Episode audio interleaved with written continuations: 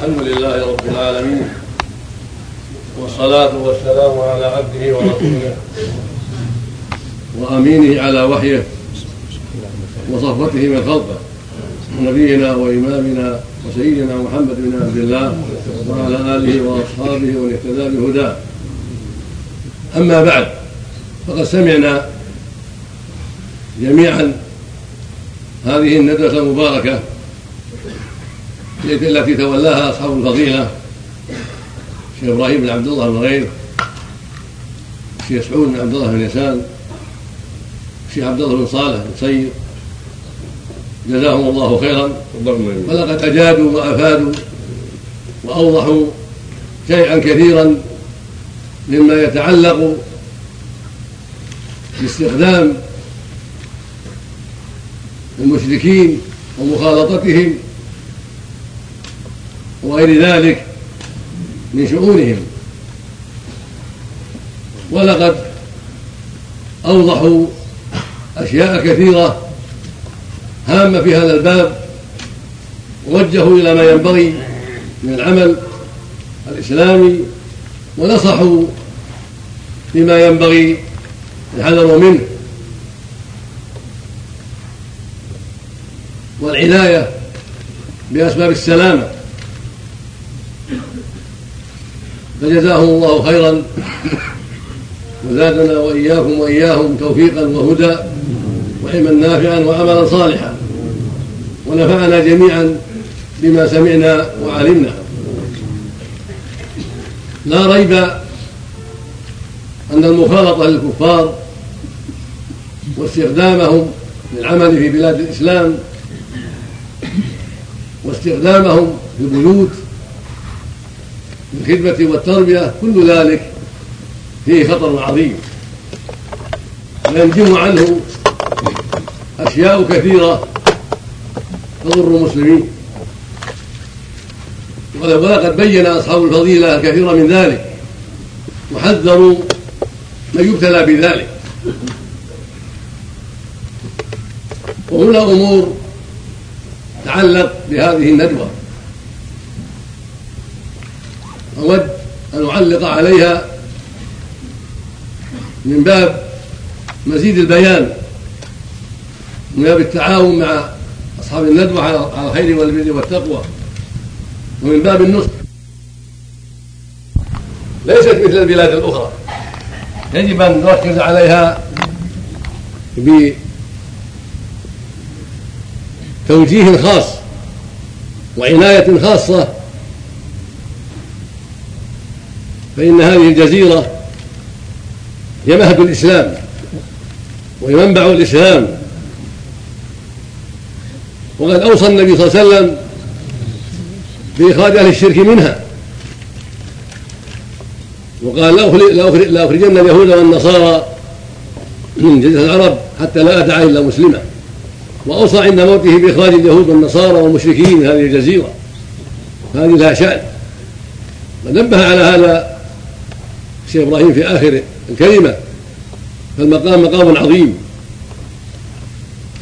يجب على المسلمين أن يخصوا هذه الجزيرة بما خصها الله به ورسوله وأن لا يستوردوا لها الكفار. وإذا كان هناك حاجة لاستخدام العمال والخدم فليكونوا من المسلمين لا من الكافرين. يجب أن يكون الاستخدام إذا دعت إليه الحاجة. يكون من المسلمين. ومع ذلك أيضا يتحرى في المسلمين أيضا حتى المسلمين يتحرى فيه. لأن بعضهم قد يدعي الإسلام وهو بريء من الإسلام. وهو يعبد غير الله. يعبد الأموات والقبور ويستغيث بأهلها. فهو شر من اليهود والنصارى في شركه. وبعضهم يدعي الإسلام ويسب الإسلام ويستهزئ بالإسلام. وبعضهم لديه من المظاهر المخالفة للإسلام الشيء الكثير فالذي يحتاج إلى الاستخدام ينبغي له أن يتحرى. سواء كان ذلك الاستخدام للعمل في الشركات للبناء والتعمير أو للزراعة أو غير ذلك أو كان لعمل آخر. يجب التحري حتى في المسلمين حتى لا يستخدم إلا من ظاهره الخير ومن يرجى فيه النفع لا ضرر أما أهل الشرك من اليهود والنصارى والبوذيين واليابانيين والكوريين وأشباههم فلا. لا يستخدم لهذه الجزيرة إلا للضرورة. استخدم للضرورة في لأشياء معينة مع القلة تحت رعاية الدولة والعناية منها من الدولة بهم. هذا للضرورة. لا بأس. كما أبقى النبي صلى الله عليه وسلم اليهود في عمل خيبر. لما كان المسلمون في حاجة. كان المسلمون مشغولين بالجهاد. فلما فتح النبي خيبر عليه الصلاة والسلام أبقى اليهود في عمل خيبر. الزراعة بالنصف لهم النصف وللمسلمين النصف. وقال نقركم فيها ما قركم الله. وفي اللفظ الآخر ما شئنا. فلما وسع الله أمر المسلمين وفتح عليهم الفتوحات استغنوا عنهم وأجلهم عمر من خيبر إلى الشام. فاستخدام الكفار للحاجة التي يراها ولي الأمر من طب تدل الحاجة إليه أو هندسة أو عمل زراعة يحتاج إليها أو أمور أخرى فيما يتعلق بالنفط ونحو ذلك من الأمور التي قد يجهلها المسلمون والدولة بحاجة إليها لنفع المسلمين. فيستورد من الكفار من تدعو الحاجة إليه بالضرورة مع رعاية أمره والعناية به والحذر من شره ومكائده والمراقبة عليه. كان ذلك جائزا بهذه الشروط وبهذه العناية.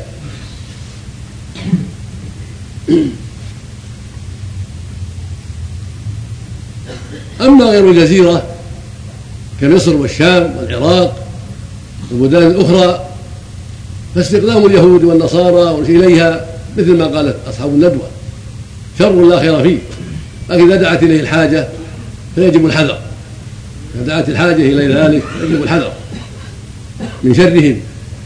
وألا يقروا على إظهار شعائرهم الكافرة من الشرك أو تعاطي الخمور أو القمار أو غير هذا من من شعائرهم الخبيثة يمنعون من ذلك في بلاد المسلمين. ولو أنها غير الجزيرة كبغداد أو مصر أو غير ذلك طهر طهر الله بلاد المسلمين من الكافرين. ويحذر منهم أيضا من جهة إفسادهم العوائل وتربيتهم الناشئة على الكفر والضلال على اليهودية أو النصرانية أو البوذية أو غير ذلك وعلى الأخلاق الخبيثة من الزنا والفساد والخمر ونحو ذلك. يجب الحذر من ذلك إذا دعت الحاجة إلى استخدامهم في غير الجزيرة كذلك عدم الخلوة بالمرأة هذا لا لا يخص الكفار. إذا حرمت الخلوة من المسلم بالمرأة فالكافر أولى لأن لأن أمانته أقل. والخطر منه أكبر. فالخلوة محرمة لا مع المسلم ولا مع الكافر. وهكذا السفر من غير محرم محرمة لا مع الكفار ولا مع المسلمين. كل هذه الأشياء التي أشار إليها أصحاب الندوة جزاهم الله خيرا أمر أمور مهمة. في الجزيرة وغير الجزيرة مع الكفار ومع المسلمين. لكن مع الكفار أشد وأعظم من جميع الوجوه. لقلة أمانتهم ولعداوتهم وعظيمة المسلمين وحقدهم على المسلمين ولما عندهم من الشرور والخصال الذميمة والعقائد الباطلة فيخشى منها يخشى منه أن ينفتوها في المسلمين وأن يوجهوا المسلمين إليها وأن يعلموا الناشئة والصغار والعامة من الناس تلك العقائد وتلك الأخلاق الباطلة. وهذا من الشر الذي يخشى منه باستخدامهم مطلقة في أي مكان وفي الجزيرة أعظم وأكبر كما تقدم. فالواجب على المسلم أن أن يكون حارسا من نفسه لبلاده وإخوته وأن يحذر استخدام هؤلاء الكفرة مهما كان وأن يبتعد عن استخدام أي كافر لعمل أو خدمة أو سياقة أو غير ذلك في هذه الجزيرة. وفي غيرها لها ظروف أخرى.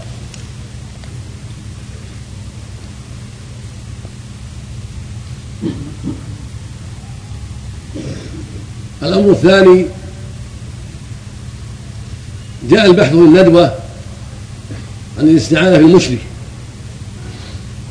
وأورد بعض السائلين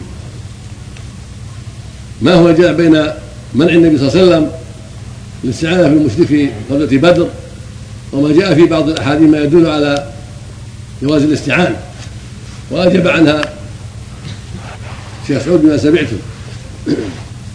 ومن باب الإيضاح أقول إنه ثبت عن النبي صلى الله عليه وسلم في غزوة بدر حديث عائشة أنه لما جاءه الرجل يريد أن يعينه وأن يقاتل معه وينصره. قال له النبي أسلمت؟ قال لا. قال ارجع. فلن أستعين بمشرك. ثم تبعه أيضا وجاء في مكان آخر. قال أسلمت؟ قال لا. قال ارجع. فلا أستعين بمشرك. ثم أجاب ذلك فقال أسلمت. فأقره صلى الله عليه وسلم وأبقاه في الغزو هذا يدل هذا يدل دلالة صريحة على أن المشرك لا يستعان في قتال الأعداء. لا يستعان في قتال الأعداء. لماذا؟ لأنه لا يؤمن أن يخامر معهم. وقت القتال وأن يكون على المسلمين وقت القتال ضد ضدهم. ما دام مشركا فلا يستعان به في قتال المشركين سواء كان وثنيا أو يهوديا أو نصرانيا أو غير ذلك.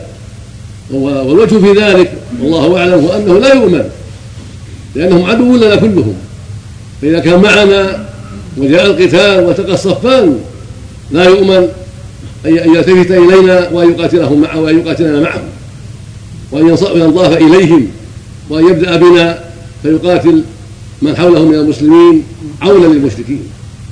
فلهذا لا يجوز الاستعانة في الجهاد لأعداء الله. بل يجب أن يحذروا وأن لا يبقى منهم أحد مع المسلمين لئلا يضروا المسلمين ولئلا يخابروا العدو مع المسلمين للمسلمين فيضر المسلمين أو يسعوا في هزيمة المسلمين آه، مساعدة لإخوانهم الكفار. أما ما وقع من الاستعانة من النبي صلى الله عليه وسلم فهي في أمور أخرى. ما لها تعلق بالجهاد ولا ما لها تعلق بهذا الأمر الذي يخشى منه. بل كان ذلك في أنواع أخرى. ويجب الفرق بين شخص أو أشخاص يكونون مع المسلمين في الجيش للقتال وهم كفار فإن فيهم خطرا عظيما. وبين الاستعانات الأخرى التي نبينها إن شاء الله فإن الخطر فيها منتفي. فقد استعان عليه الصلاة والسلام بعبد الله بن أريقط الديلي يدله على طريق المدينة لما خرج مهاجرا عليه الصلاة والسلام. وكان معروفا بالنصح للمسلمين وأنه لا خطر فيه على المسلمين. وهذه الدلالة ليس فيها خطر على المسلمين. والرسول يعرفه والصديق يعرفه. فلهذا أخذه دليلا وسحل به على الطريق حتى وصلوا إلى المدينة وهو على دين قوم فمثل هذا لا حرج فيه. ليدل القوم على الطريق يدل مسافر على الطريق مع المعرفة بأمنه وأنه لا خطر فيه. ومن ذلك استعانته بصفوان بن أمية يوم حنين فإنه ما استعان به أن يقاتل المشركين وإنما أخذ منه دروعا. أخذ من صفوان صفوان لما فتح الله مكة لم يسلم. وطلب من النبي صلى الله عليه وسلم أن يمهله مدة حتى ينظر في أمره. فأمهله النبي صلى الله عليه وسلم مدة ولم يلزمه بالإسلام بل أمهله. وأعطاه من الإبل ما أعطاه تأليفا لقلبه لأنه من كبار قريش ومن أشرافهم. ففي إسلامه قوة للمسلمين ودعوة لغيره إلى الإسلام. كما أعطى حدثاء العهد بالإسلام أموالا جزيلة يتألف مع الإسلام. والله جعل في الزكاة وفي بيت المال قسما للمؤلفة قلوبهم. الذين أسلموا وهم حدثاء عهد بالإسلام يعطون أن يقوى إيمانهم. أو يسلم نظيرهم.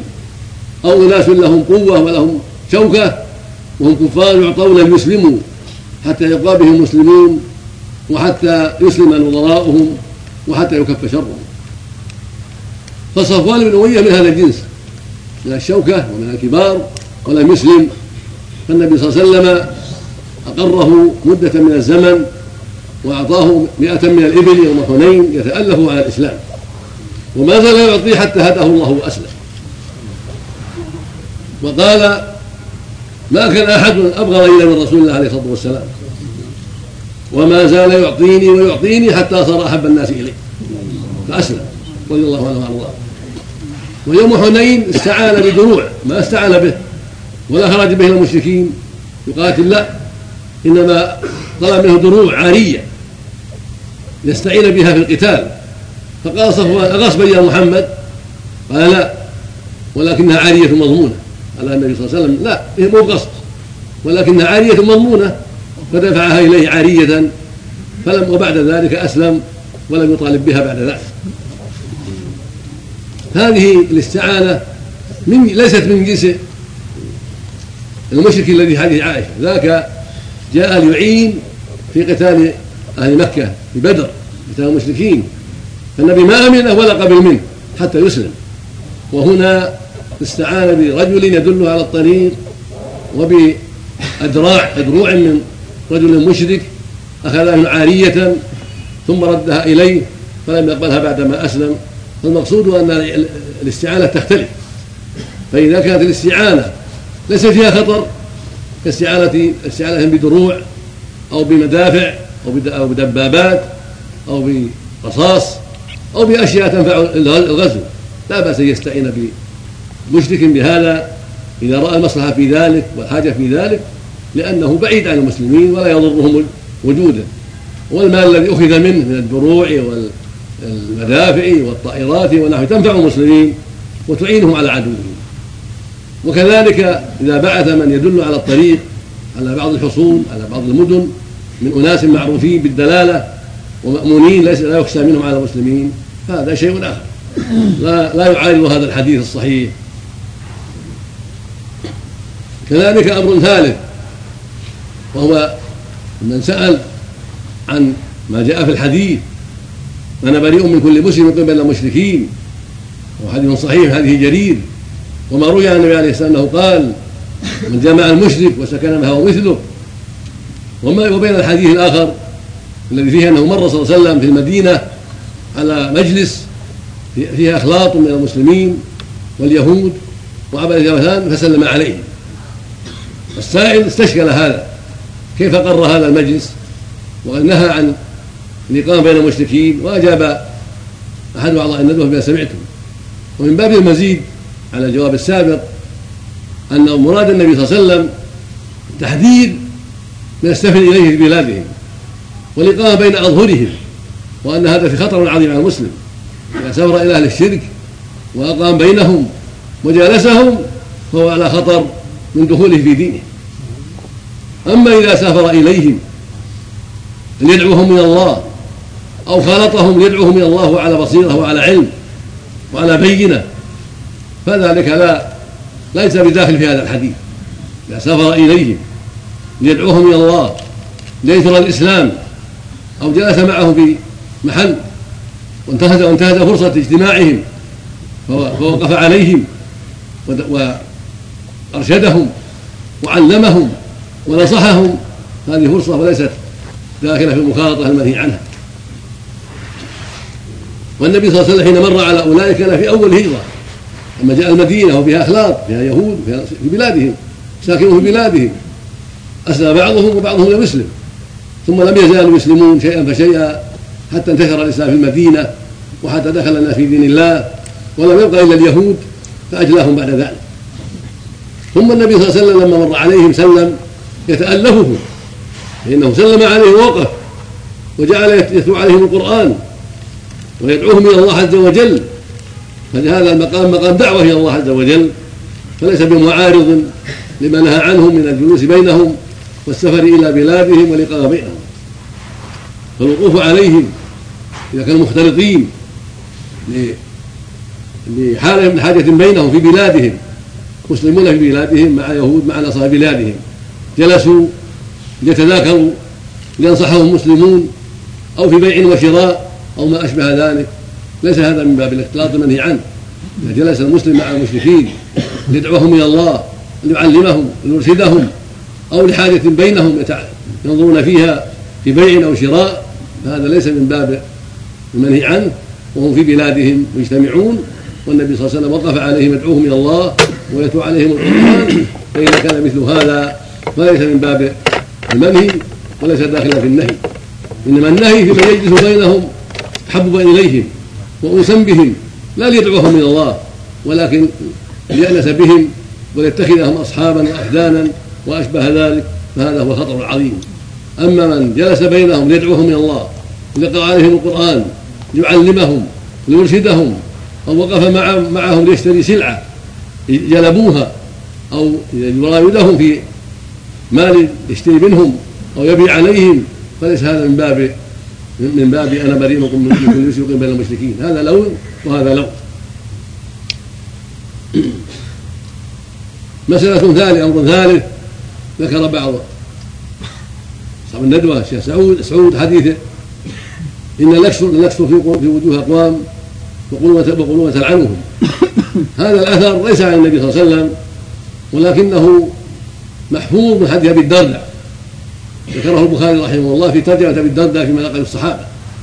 قال أبو الدرداء رضي الله عنه وهو من الأنصار إنا لنكسر في قلوب في وجوه أقوام وقلوب تلعنهم قال العلماء معنى ذلك إنه لا يتبسم في وجوه أقوام وهو يبغضهم في الله لكن خوفا من شرهم لأنهم أمراء أو لأن لهم شوكة يخشى شرهم فيقابلهم بالتبسم أو بغير عنف وبغير اكفرار خوفا من شرهم وضررهم عليه وعلى المسلمين وهو في قلبه يبغضهم في الله عز وجل. هذا من باب التقية إلا أن تتقوا تقاه وكل الإنسان قد يكشف في وجوه أقوام أو يتبسم أو يضحك وهو عدو لهم وبغيض لهم دفعا لشرهم وحذرا من مكائدهم لا حبا لهم ولا رغبة فيما عندهم هذا هو المعفو عنه. ومن هذا الباب ما ثبت في الصحيح.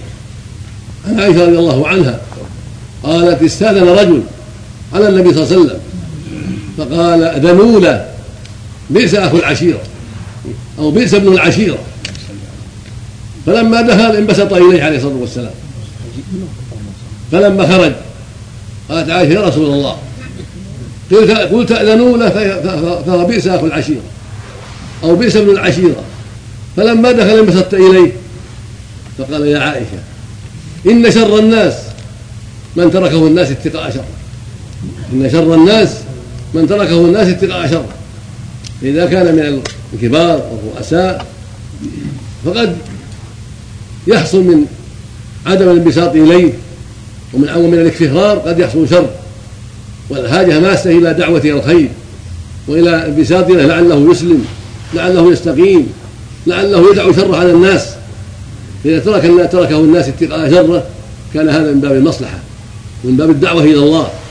وهكذا عبد الله بن أبي بن سلول في المدينة كان رأس المنافقين والنبي يعرف ذلك أن رأس المنافقين. وله كلمات تروى عنه خبيثة ولكن لما كان راسا وكان معظما في الأنصار وقد كادوا أن يملكوه عليهم قبل البعثة قبل الهجرة كادوا أن يملكوه على المدينة ملكا عليهم فلما اتى الله بالنبي صلى الله عليه وسلم وهاجر إليهم بطل هذا الأمر. وفقد ما قد وعدوه به. حنق على ذلك وشرق بالدين. وضاق صدره بذلك لأنه حرم بالهجرة ما وعدوه به من تمليكه عليهم وتتويجه. فلم يزل والعياذ بالله منافقا خبيثا حتى مات في آخر الهجرة. والنبي صلى الله عليه وسلم كان يتلطف به. ويجامله ويداريه بعض المدارات اتقاء شره على المسلمين. ولئلا يقع العنف عليه أو قتله أو إخراجه فساد كبير على المسلمين. ولما قالوا له ألا تقتله؟ قال إني أكره أن يتحدث الناس أن محمد يقتل أصحابه. فكره أن يقتله أو يسجنه أو ينفيه من المدينة لئلا يرتد بسببه أقوام من أصحابه وجماعته. لأنهم يعظمونه ويرى له قدره وهو قد تظاهر بالإسلام وادعى الإسلام ويصلي مع الناس لكن في قلبه مرض في قلبه نفاق. حتى مات على نفاقه نعوذ بالله. هذا معناه أنه يجوز مراعاة الكبار والرؤساء بعض الانبساط وبعض التسامح في بعض الأمور إذا كانت الغلظة عليهم أو كان قتلهم أو كان سجنهم يترتب عليه شرور على المسلمين وضرر على المسلمين.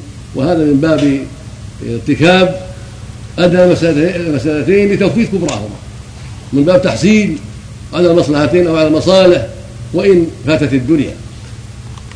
وأسأل الله عز وجل أن يوفقنا يوفقنا جميعا للعلم النافع والعمل الصالح وأن يوفق المسلمين جميعا لما في رضاه وأن يوفق حكومتنا لكل ما فيه صلاح العباد والبلاد وأن يعينه على كل خير وأن يكفينا شر الكفار أينما كانوا وأن يطهر بلادنا منهم إنه سميع قريب كما أسأله سبحانه أن يجزي أصحاب الندوة خيرا وأن يضاعف مثوبتهم ويجعلنا وإياكم وإياهم من الهداة المهتدين إنه سميع قريب وصلى الله وسلم على نبينا محمد وعلى آله وصحبه.